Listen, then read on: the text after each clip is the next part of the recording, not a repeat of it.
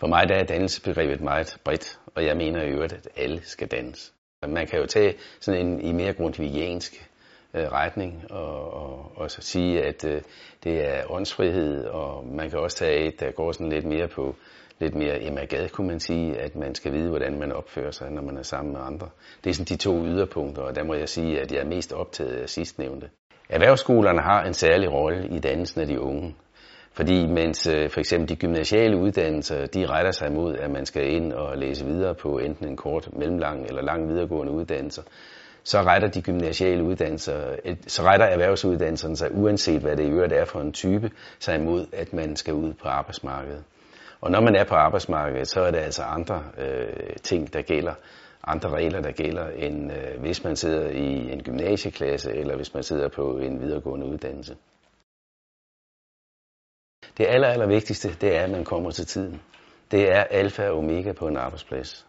En øh, tømmermester kan for eksempel ikke acceptere, at der er en lærling, der kommer for sent 10 minutter, og så øh, vognen skal vente på at køre med det, der skal ud. Det er, det er bare forbudt. Og derfor skal man altså lære de unge mennesker, at her, der kommer man til tiden. Og en anden ting er, at man kommer og, og ifører den passende mængde af godt humør. Man kommer ikke og ser sur ud, eller udstråler med sit kropssprog, at det her, det gider jeg bare ikke.